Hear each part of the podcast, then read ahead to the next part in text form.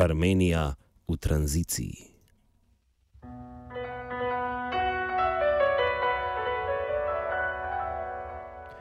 Armenski premijer Nikol Pašinjan je včeraj podal svojo odstopno izjavo in tako odprl pot za razpustitev parlamenta in razpis predčasnih volitev. Njegov odstop je rezultat obsežnega družbenega vrenja, ki poteka v Armeniji že od začetka letošnjega leta. Spomnimo, da je Pašinjan kot izbranec ljudstva mesto premijeja prevzel po dalj časa trajajočih protestih proti bivši armenski vladi. Njegov prevzem vodenja pa je bil način pomiritve ljudske volje in začetek procesa za izvedbo alebo predčasných volitev.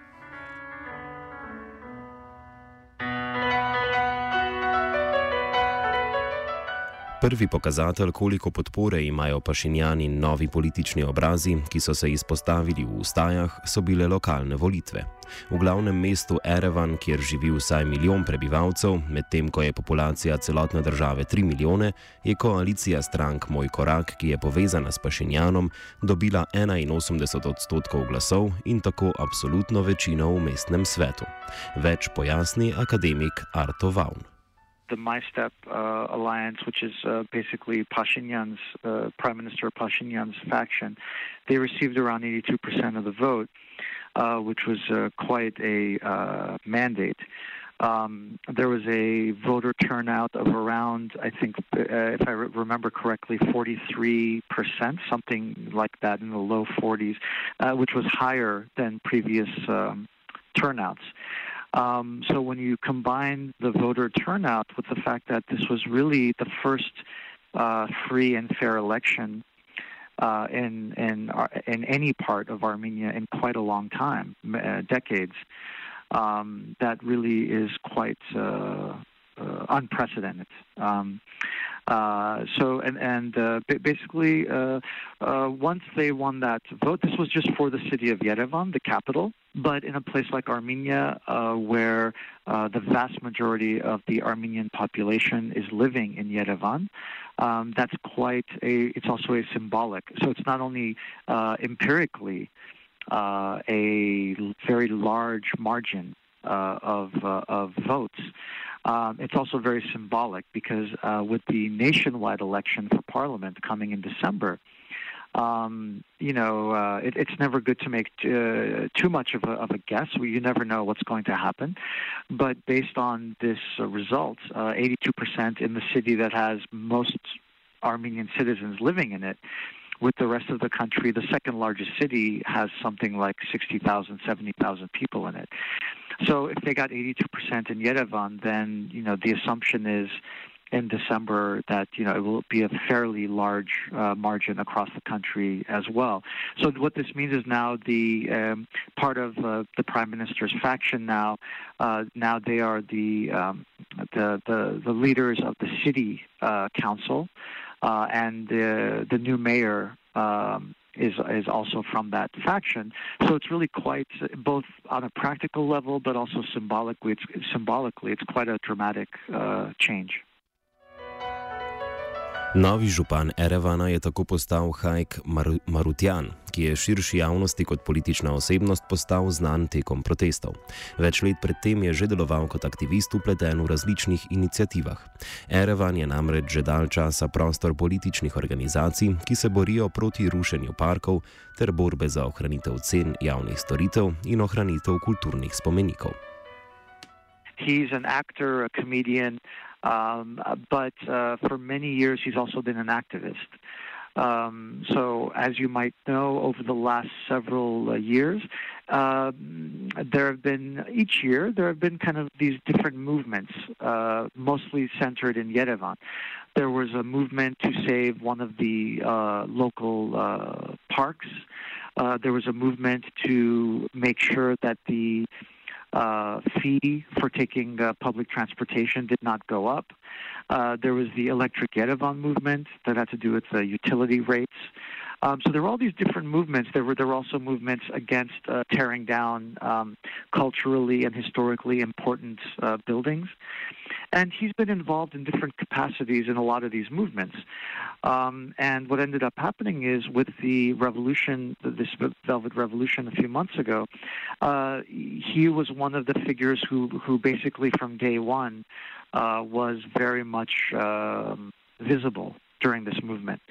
Um, and I think, you know, that that uh, really won people's trust over that here is someone who, if he wanted to, he doesn't have to be involved in politics. He can just mind his own business and just be an entertainer. And, uh, you know, uh, he has no need to, to put his skin in the game, as it were, to make sacrifices, and yet he did.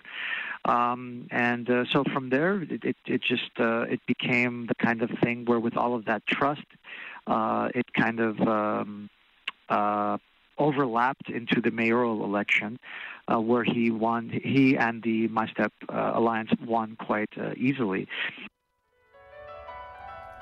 Program, ki ga je obljubljal pred volitvami, je temeljil na vsakdanjih zadevah, kot so reden odvoz smeti, urejen javni prevoz in obnovitev stavb. Jeza armenskega ljudstva je namreč v veliki meri izhajala prav iz vse splošne skorumpiranosti oblasti na vseh ravneh, ki je onemogočala izvajanje običajnih nalog države. So, uh, with the mayoral race, what they what they did is they focused on very practical uh, elements. Uh, he uh, before the election, uh, they had a very well done advertisement where really they talked about very very specific things, um, everything from garbage uh, collection to the safety of elevators in, in some of the older Soviet buildings um, uh, uh, fixing up schools, things like this. So they really, really focused, I think, on uh, issues that are I think it's very clever in a way, and and, and clever, I think, in a genuine way. I, I don't think it's a political machination. I think you know the, the Yerevan, as I said, because it's really the heart of Armenia in some ways more than other capitals, because the cap uh, Yerevan has most Armenians living in it. The rest of the country does not have a huge population. So what they decided to do, I think, is kind of divide the the, the macro level and the micro level of of uh, of governance. So I think with, with Yerevan, they decided let's focus on everyday issues that, that are so simple, but they've been bothering people for many, many years.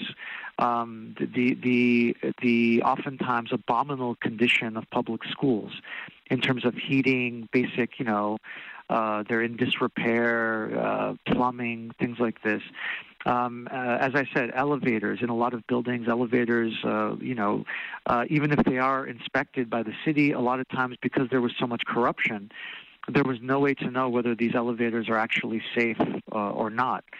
Um, public transportation. Uh, some of the public transportation in the city is run by these really small little minivans and a lot of these are not in, in good condition. They're they're accident prone. They're not really regulated. So you know they're promised to really take care of basic maintenance of the city and upkeep of the city. Nove politične osebnosti, ki so nastopile na lokalnih volitvah, izhajajo predvsem iz srednjega razreda. V Armeniji so politično elito tradicionalno predstavljali poslovneži in vojni veterani. So far in Armenia, uh, this is a very unprecedented case where it, it, it is there are some elements of populism for sure, um, but there it's there's constant. Um, transparency. There's constant uh, wanting to do things by by the law, wanting to do things by the constitution, uh, constantly reaching out to people, making sure that everyone um, is genuinely engaged in this transitional process. Um, so, and I think with with the, the new mayor, I think that's also part of it. He's such a, you know, a lot of these new representatives are they're bringing something completely unprecedented at that level of power in Armenia, where before uh, positions of power were held by uh, you know business people basically or and or people that had kind of risen up through the ranks during the uh, war with Azerbaijan the Karabakh conflict uh, their movement for independence uh, uh, back in the early 90s um, some of those people that have moved up the ranks and they took up these positions of power but then they re- really became quite authoritarian oligarchs. Um, so now what you have is, um, I think people are just very refreshed and full of hope that now you have these leaders who are uh, everyday people. Uh, the, the, mayor is, is a is a uh, you know as I said an, uh, an actor, a comedian, uh, and very much involved in public life, uh, and also an activist. Our, our, prime minister is a journalist.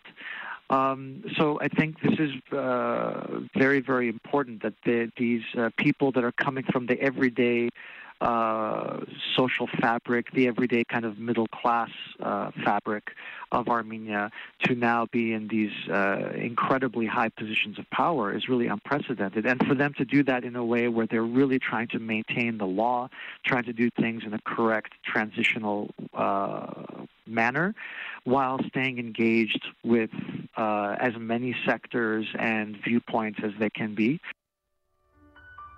Če tudi je minilo pol leta od nastopa Nikole Pašinjana na premijski položaj, še vedno uživa široko podporo ljudstva.